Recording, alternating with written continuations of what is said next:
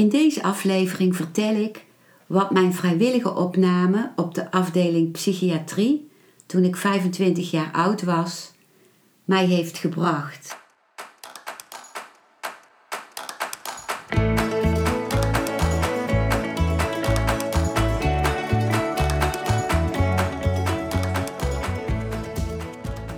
Welkom bij een nieuwe aflevering van Modita's podcast Van Pijn naar Zijn.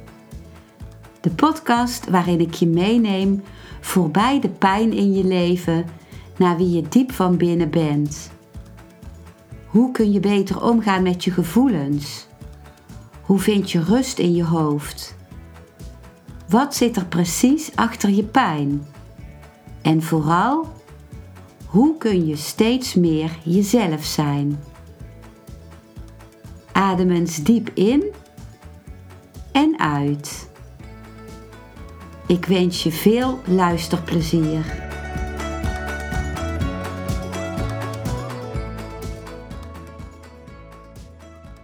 Ik heb in mijn leven verschillende depressies gehad, waar ik nu uh, definitief uit ben gekomen. En uit dankbaarheid daarvoor heb ik mijn boek Depressie, een opstap naar geluk geschreven. De link naar dit boek vind je in de beschrijving onder deze podcastaflevering. Nu vertel ik over mijn opname op de paasafdeling. Dat is een psychiatrische afdeling van een algemeen ziekenhuis. Toen ik 25 jaar was. Ik was medicijnen aan het studeren en ik zat in mijn uh, zesde jaar van mijn studie. Ik moest nog uh, één jaar of eh, bijna één jaar. Ik was bezig met mijn, dat heette toen de senior kooschappen. Dat wil zeggen dat je dan stage liep in de ziekenhuizen. En ik was bezig met de stage kindergeneeskunde. En ik was heel depressief. Sowieso had ik mezelf heel erg geïsoleerd met heel veel studeren. En ik vond ook niet in uh, mijn stages wat ik me voor had gesteld van het werken met mensen, van het bezig zijn met mensen. Ik ervoer het als uh, heel technisch, de studie. Maar vooral was er iets in mijzelf gaande uh, dat ik de verbinding met mezelf niet had. En dus ook niet met anderen, met anderen om mij heen en met mijn werk. En ik woonde in die tijd van mijn stage in, het, in mijn ouderlijk huis. En, uh, want mijn stageplek was daar vlakbij. Uh, en op dat moment uh, kon ik bijna mijn bed niet meer uitkomen. Omdat ik de zin niet inzag van waarom ik op zou staan. En uh, mijn zusje, mijn jongste zus, die kwam toen naar boven naar de zolderkamer waar ik toen uh, sliep. En ze kwam met een fluit om voor mij iets op de fluit te spelen, want ze wist hoe ik me voelde en ze wou mij daarmee uh, opvrolijken. Ze wou eigenlijk dat door haar fluitspel dat ik uit bed zou komen.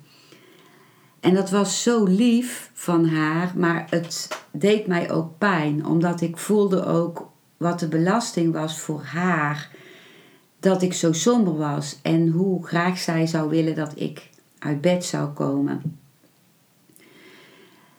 En op mijn tafel, op die zolder, lag mijn stethoscoop. Een mooie oranje stethoscoop die ik gekocht had omdat hij er zo vrolijk uitzag. En lagen mijn boeken van de kindergeneeskunde, maar het, uh, het was heel erg om daarnaar te kijken, omdat ik zo'n weerzin voelde om daarmee bezig te zijn, omdat het me helemaal geen bevrediging gaf. En daarmee had mijn leven ook geen perspectief meer, want eh, mijn studie was eigenlijk het enige perspectief wat ik mezelf nog gesteld had. En ik voelde dat ik een dagritme nodig had. Dat ik weer nodig had om ergens te zijn. Want ik had me op dat moment ziek gemeld voor de kindergeneeskunde. Ik had nodig dat ik ergens voor op zou staan en dat er een bepaalde dagstructuur zou zijn. Dus wat ik deed was dat ik me aanmeldde voor de paasafdeling, voor de afdeling psychiatrie van het ziekenhuis in de stad waar ik ook stage liep. Een ander ziekenhuis als waar ik stage liep. En uh, mijn moeder vond dat heel erg, omdat haar dat denk ik ook confronteerde met haar machteloosheid om mij te kunnen helpen. En uiteindelijk, toen ik dus plek kreeg op die paasafdeling, toen wilde ik zelf niet meer. Maar toen bracht mijn moeder mij daar wel naartoe. Dus zij zag ook dat ik het nodig had. Dus dat was ook weer haar kracht. Dat ondanks dat het voor haar zo moeilijk was, dat haar kind naar een paasafdeling ging, dat ze mij daar toch heen bracht. En ik kwam daar aan en ik vond het vreselijk. Het was, in die tijd werd er nog heel veel gerookt, ook binnen instellingen. Dus, en natuurlijk vooral de mensen die opgenomen zijn in de psychiatrie, die voelen zich zo ongelukkig dat dan een sigaret een soort tijdelijke uitkomst kan bieden. Dus de hele afdeling zag blauw van de rook, vooral dus het, het dagverblijf, een soort huiskamer. En ik zag mensen helemaal in elkaar gezakt, eh, in een stoel zitten, een soort apathisch. En een eh, vrouw lag op de grond, die bewoog gewoon bijna helemaal niet meer. En iemand zat te huilen. En andere mensen waren aan het pingpongen, dat was er ook. Maar ik dacht, oh, dit is echt eh, heel erg om op zo'n, in zo'n omgeving te zijn waarbij mensen zich zo somber voelen. Terwijl ik natuurlijk daar één van was. Maar ik voelde toen ook hoe je als je depressief bent, andere mensen om je heen met je eigen stemming ook mee naar beneden trekt. Ergens wist ik dat wel, maar nu zag ik het nog uitvergroot. Dus ik dacht meteen al, ik moet hier weg. Ik, ik, ik blijf hier gewoon echt niet langer dan één dag. En toen ik dat zo bedacht, dat ik eh, in ieder geval de volgende ochtend weg, weg zou gaan, kwam er een vrouw naar mij toe in de gang, die ook net opgenomen was. En die vertelde mij dat ze een coma had gehad en dat ze net uit dat coma was. En dat ze zich heel somber voelde omdat ze een andere persoon was geworden als wie zij voor het coma was geweest. Dat kon ze zich nog herinneren hoe ze toen was. En nu had ze een totaal andere persoonlijkheid. Dus eigenlijk een totaal andere geest in hetzelfde lichaam. En dat was ondraaglijk om daarmee te leven. En dan kon ik me heel goed voorstellen dat dat eh, afschuwelijk moet zijn om als een soort vreemde in je, in je lichaam te zijn. En zij zei toen tegen mij: ik, ik ben hier net opgenomen en ik vind het hier verschrikkelijk. Ik, ik weet niet hoe gauw ik hier weg moet komen. Ik, ik moet gewoon echt meteen gaan. En toen ging ik die vrouw ehm, vertellen waarom ze moest blijven. Wat het voordeel zou kunnen zijn van de afdeling. Dat ze aan zichzelf kon werken en dat ze toch zat met met uh, die andere persoon die ze was in hetzelfde lichaam. En om daarmee te dealen dat ze dan op de afdeling heel veel steun kon hebben aan anderen die, die ook wilden werken aan hun probleem en die wilden praten met elkaar over wat er in hunzelf gaande was. En zo voerde ik een heleboel argumenten aan voor haar. Ik weet niet wat ik allemaal tegen haar gezegd heb.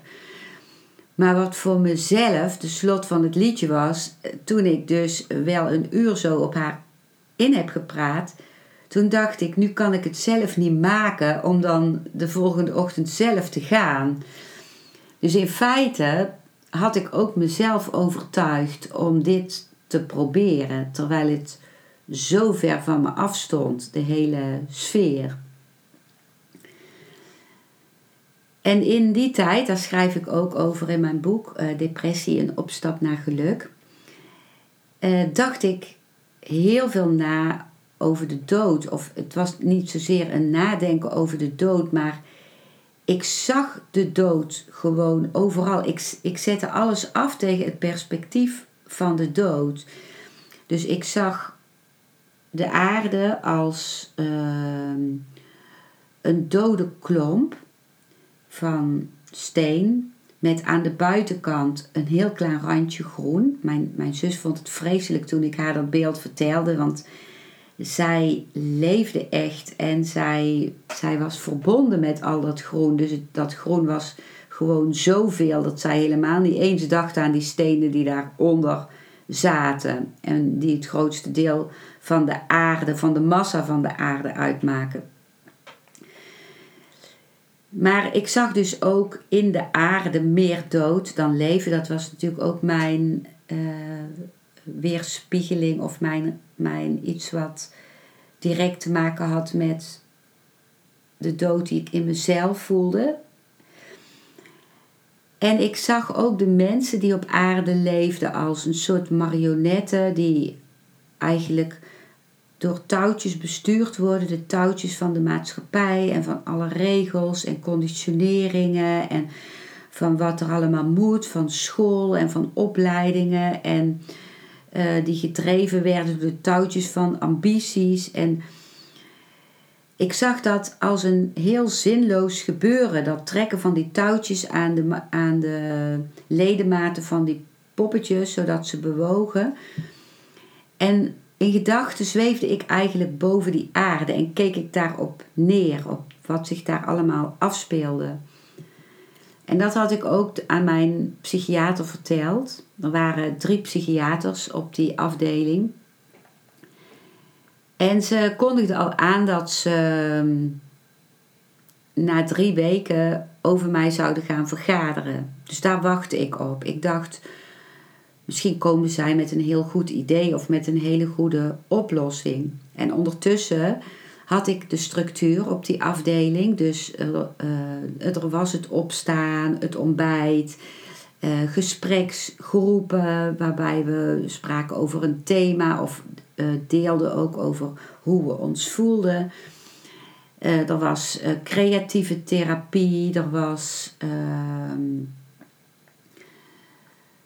ehm, ik weet niet meer alle onderdelen, maar in ieder geval was er een structuur die ik dus nodig had, waardoor ik bezig bleef met dingen en ook mensen ontmoeten in die groepen.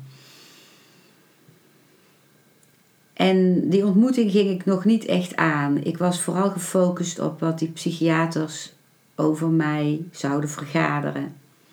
En toen kwamen ze eruit en ik was heel verwachtingsvol. En ze waren tot de conclusie gekomen dat ik niet meer over de dood mocht nadenken.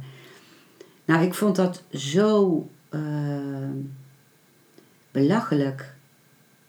Belachelijke uitkomst. Dat ik dacht de dood is zo'n wezenlijk onderdeel van het leven. En hoe kun je nu niet over de dood nadenken? Dan, ze zijn zo onlosmakelijk met elkaar verbonden. Dus ik vond het echt een heel dom advies. Ook uh, totaal zonder diepgang. Maar toen dacht ik ook van, ik weet zelf ook niet meer hoe ik eruit kom. Dus als ik het geen kans geef, het, ik zou het een kans kunnen geven. Dus dat schreef ik toen in mijn schrift dat ik had aangelegd. Ik ga het een kans geven. Ik ga, hoe absurd het ook klinkt in mijn ogen, of in mijn oren kan ik beter zeggen, ik ga het een kans geven.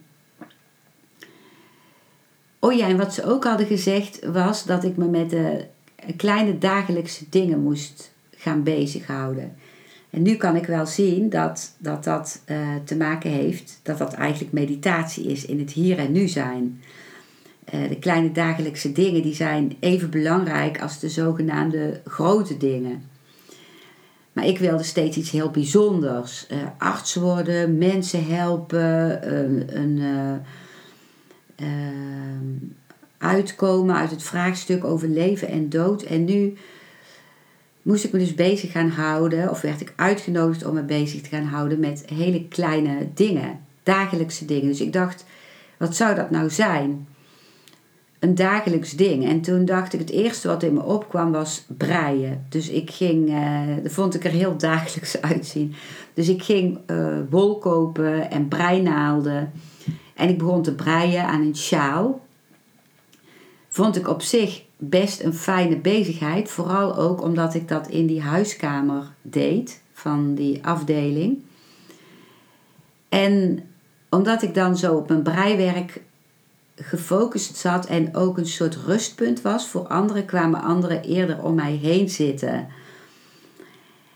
En die hadden het over allerlei dagelijkse dingen. Eh, naar de, naar de kapper gaan of uh, wat ze op de markt wilden kopen. En ik vond dat allemaal zo'n uh, onbelangrijke onderwerpen. Maar ik had me dus voorgenomen om met de kleine dingen en de dagelijkse dingen bezig te zijn. Dus ik ging daarover meepraten. En ik uh, was het ook zat dat ik altijd zo jong werd ingeschat. Uh, zeker vijf jaar of zelfs nog meer jonger dan ik was. En ik ging dus naar de ziekenhuiskapper en ik vroeg of die mij zo wilde knippen dat ik er ouder uitzag. Ik dacht, ik wil ook gewoon echt zo zijn van de leeftijd die ik ben. Omdat ik ook mensen wilde ontmoeten die waren van mijn leeftijd. Want ik merkte dat ik dus ook jongere mensen aantrok op die afdeling. En die kapster die keek naar mij en die zei: Ik kan jou niet ouder knippen. Als je er ouder uit wil zien, dan moet je bozer kijken. Want ondanks dat ik me zo ongelukkig voelde, had ik altijd een soort fake smile op mijn gezicht. Dat was een masker waarachter ik me kon verschuilen, waardoor anderen niet konden zien dat ik uh, verdriet had en me somber voelde. Terwijl anderen het natuurlijk wel konden zien, want mijn ogen stonden heel dof. Dat is ook waar ik altijd naar kijk, naar de ogen van mensen. Als die sprankelen, dan is iemand in contact met het leven. En als die dof staan, dan, dan is iemand uh, niet meer in contact met het leven. Om wat voor reden dan ook. Even goed liet ik me knippen. En uh, er was ook iemand op de afdeling die mijn nagels wou lakken. Ik dacht, nou, ik wil wel zien wat dat dan doet kan niet zeggen dat dat iets heeft bijgedragen aan uh, hoe ik me gevoeld heb.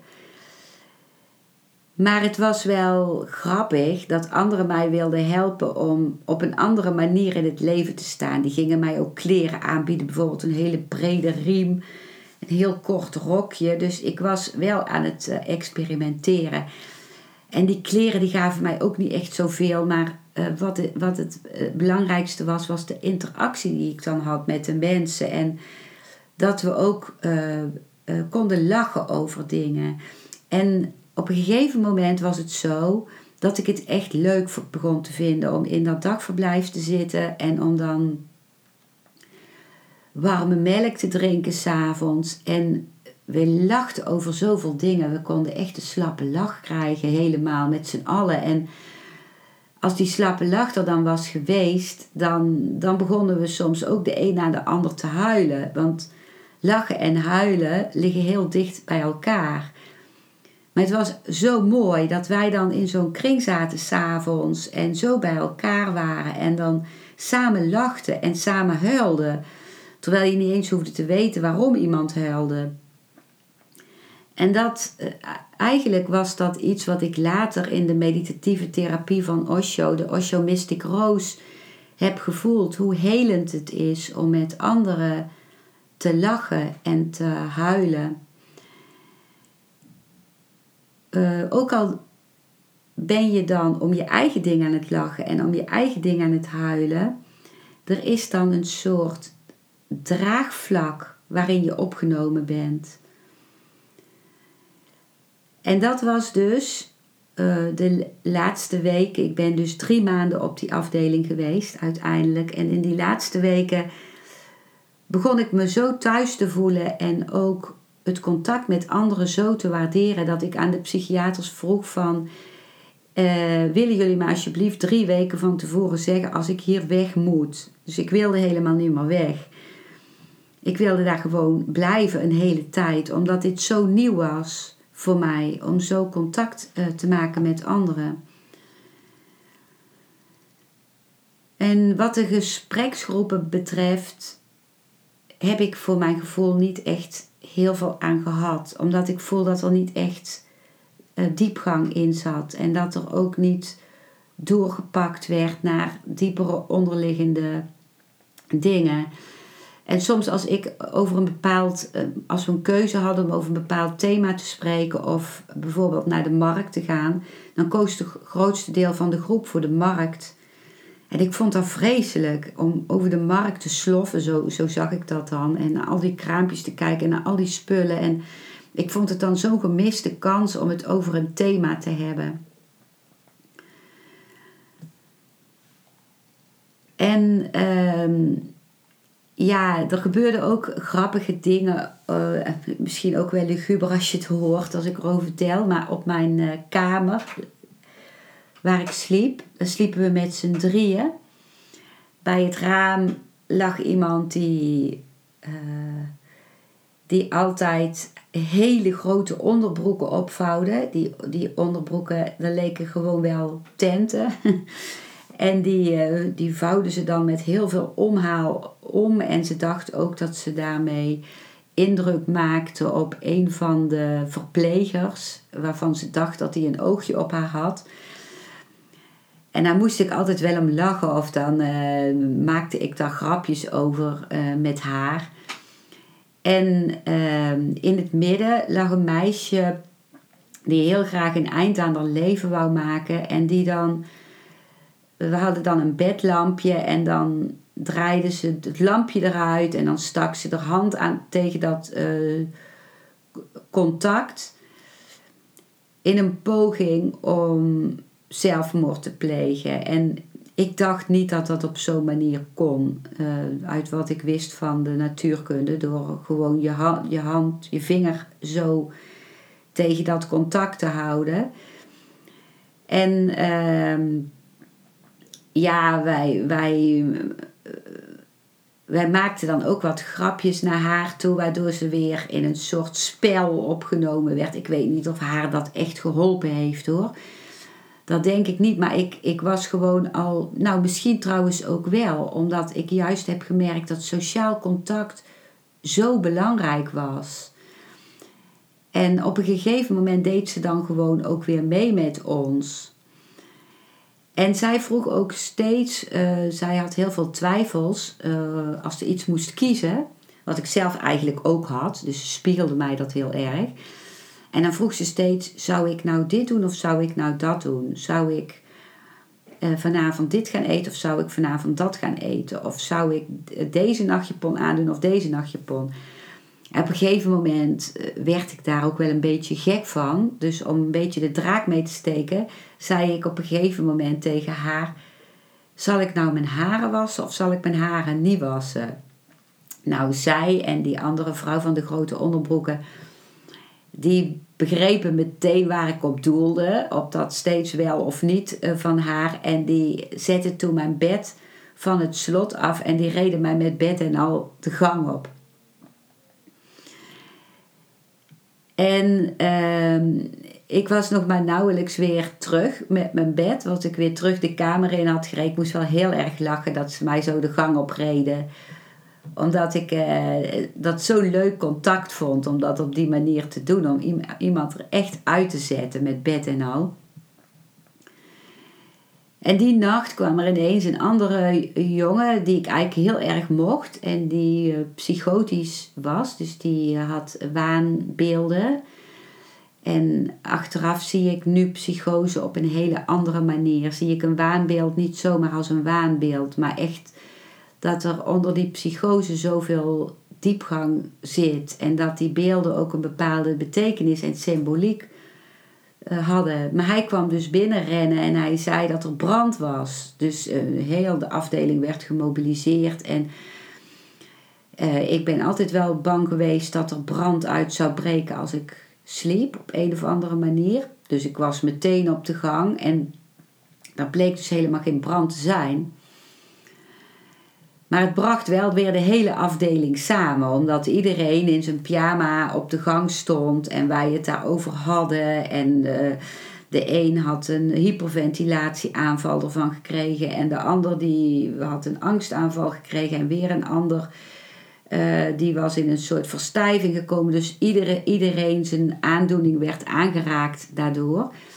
En achteraf denk ik wel van dat die brand die die jongen zag gewoon stond voor iets heel anders. In feite was er ook brand in iedereen van ons. Want uh, we waren allemaal zo. Uh, we ervoeren allemaal zoiets bedreigends of uh, in ons leven. Ook bedreigend in de zin van zinlo zinloosheid, dus ook een bedreiging. Dat er in feite ook brand was. Dus ik vond het eigenlijk ook wel een mooie metafoor. En die jongen had ook later hele kostbare vragen. Die heeft mij ook nog wel opgezocht uh, toen ik al ontslagen was van die paasafdeling. Zijn we nog een tijd vrienden geweest. En dan kwam hij bij mij. Hij had toen nog steeds die, die psychose. En toen vroeg hij: wat was er het eerste, licht of donker? In het universum of in het heelal. En ik vond dat zo'n diepe vraag om mee bezig te zijn, omdat het zo terugging naar het, het oergebeuren of naar de essentie.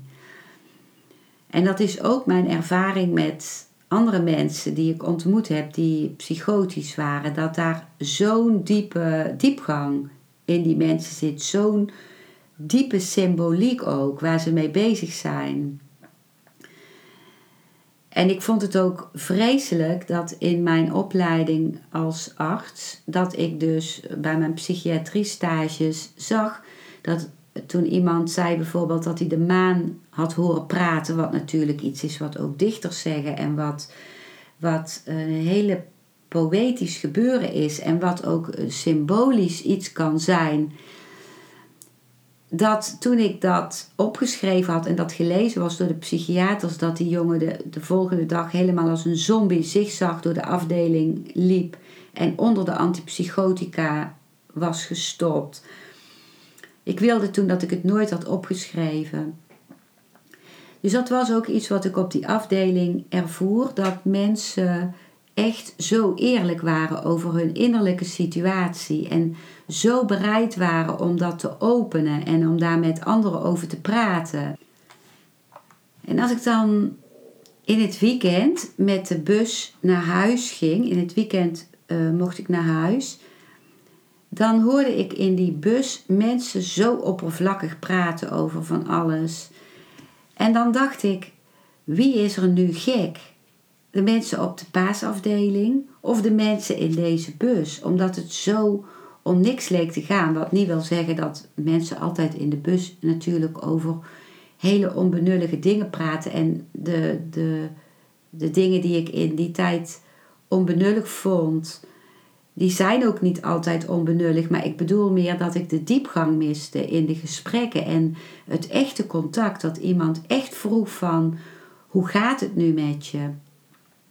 En ik ben er ook wel achter gekomen dat als je echt wil praten over wat je bezighoudt, diep van binnen, uh, ook als dat dingen zijn waar je mee worstelt, dat je dat beter kunt doen in een één op één gesprek met iemand. Als je die iemand al wat beter kent en bijvoorbeeld dan samen op een terrasje zit of op een wandeling. Dan wanneer je uh, dat doet bijvoorbeeld op een verjaardagsfeest. Dat, uh, dat deed ik zelf in die tijd. Ik wilde dan op een verjaardagsfeest net zo open zijn als ik op die paasafdeling was. En dan kwam ik bedrogen uit, want mensen schrokken daarvan. En die keerde zich dan soms van mij af. En toen leerde ik dat je die mensen daar dan ook mee overvalt. Dat, dat je niet kunt verwachten dat iemand ten alle tijden op elke mogelijke plek uh, naar je kan luisteren of open kan staan voor je. Dat er ook een soort voorbereiding nodig is om, om uh, echt eerst contact met iemand te maken en dan, om dan te kijken van is dit een goed moment om het ergens over te hebben. Anders kom je uh, teleurstelling na teleurstelling tegen. Dat is wel mijn eigen ervaring in ieder geval geweest. Toen ik van de paasafdeling afkwam, toen voelde ik me zo dankbaar voor het in contact staan met anderen, voor de sociale contacten die ik had gehad. En ik, ik nam me voor om dat voor te zetten. Ik nam me ook voor om de rest van mijn studie af te ronden. Ik had me ziek gemeld. Ik had aanvankelijk met mijn studie willen stoppen, terwijl ik nog maar één jaar hoefde. Omdat ik die studie niet meer zag zitten, omdat ik dacht, arts zijn past niet bij mij. Maar ik besloot om het af te maken en om het ook op een leuke manier af te maken. Niet alleen maar studeren en bezig zijn met kan ik de stof wel goed beheersen. Maar ook om echt in contact te treden met de verpleegkundigen, met de andere artsen, met, uh, met de secretaresses. En ehm, om er elke dag gewoon een hele fijne dag van te maken in interactie met anderen. En toen ik aanvankelijk uh, terugkwam bij de internist, die eigenlijk een soort coördinatie had van mijn hele stageperiode, en zei dat ik mijn stage af wilde maken in dit ziekenhuis, toen keek hij mij aan en toen zei hij: Dat kan toch helemaal niet? Als je opgenomen bent geweest bij de psychiatrie, dan kun je, dan, dan dan kun je toch eigenlijk niemand meer onder ogen komen om, om, om zo'n stage nog af te maken. Hij, hij dacht echt van eens een psychiatrische patiënt, altijd een psychiatrische patiënt, zoiets. En ik was stom verbaasd, omdat ik was zo dankbaar dat ik nu de andere kant had gezien van de psychiatrie. Nu als cliënt. Ik zeg altijd liever cliënt dan patiënt, omdat patiënt dan klink je als zo'n machteloos, willoos iemand. Vind ik altijd. Cliënt vind ik uh, meer respect in zitten. Maar goed, ik zou natuurlijk ook patiënt kunnen zeggen, want zo word je dan toch gezien. En ik was heel verbaasd. Ik zei: Natuurlijk kan ik die studie afmaken. Ik wil hem gewoon afmaken. En hij wilde er bijna niet in meegaan. Ik zei: luister, ik heb gewoon nog recht op de vakken die nog stonden. Want ik, er was een heel schema voor mij gemaakt. Dus eigenlijk zouden nu de zogenaamde kleine vakken aan de beurt zijn. Dus dermatologie en KNO en ehm, eh, al die vakken. Ik zei, daar heb ik nog recht op. En daarna maak ik nog, ook nog de vakken die ik gemist heb uh, af. Maar die vakken waar ik nog recht op heb, daar, daar sta ik gewoon nog voor ingeschreven. Daar kon hij niet omheen. En uh, ik heb dat ook zo gedaan. Ik heb mijn hele studie afgemaakt. In het begin maakte ik die fout uh, waarover ik het net had. Dat ik gewoon, als mensen vroegen hoe gaat het, dat ik dan ook ging vertellen over uh, die opname die ik had gehad, waar mensen, andere artsen soms helemaal niet mee om konden gaan. Dus dat heb ik op een gegeven moment gelaten. Ik heb het niet verborgen als iemand het echt wilde weten en daar wel open voor stond. Dan ging ik het wel vertellen, maar ik keek gewoon naar van waaruit de vraag gesteld wordt. Heeft iemand echte interesse? En meestal is degene die echte interesse heeft ook degene die zelf ook dingen heeft meegemaakt waar die naar heeft willen kijken. En wat ik gemerkt heb is dat het zo heeft bijgedragen aan mijn begrip van mensen, aan uh, het, het, uh, het doorvoeld hebben van de dingen en de, het ook het kunnen begrijpen waar mensen tegenaan lopen tijdens een opname of uh, in het systeem, in het hele systeem van de reguliere geneeskunde, wat niet altijd even cliëntvriendelijk is. Terwijl er natuurlijk ook hele goede dingen zijn, kunnen zijn. En ik moest toen ook op een gegeven moment examen doen, mondeling examen van het vak psychiatrie. En die psychiater die zei: Hoe is het mogelijk dat jij eh, zo'n antwoorden kunt geven, dat je zo'n invoelend vermogen hebt? En ik heb dat toen op dat moment niet gezegd, maar ik dacht bij mezelf: ja, dat komt omdat ik ook aan de andere kant heb gestaan als cliënt. Onder andere komt dat zo. Ik, het komt ook omdat ik gewoon altijd heel veel over dingen heb nagedacht en nagevoeld en uh, heb willen doorgronden wat de achtergronden zijn van vooral van psychisch lijden ook. Maar het was me wel duidelijk dat ik zelf niet in de psychiatrie wilde werken, omdat er zoveel ingedeeld wordt in diagnoses via de DSM en zoveel wordt gewerkt met medicijnen. Het zou natuurlijk een uitdaging kunnen zijn om daar iets mee te doen.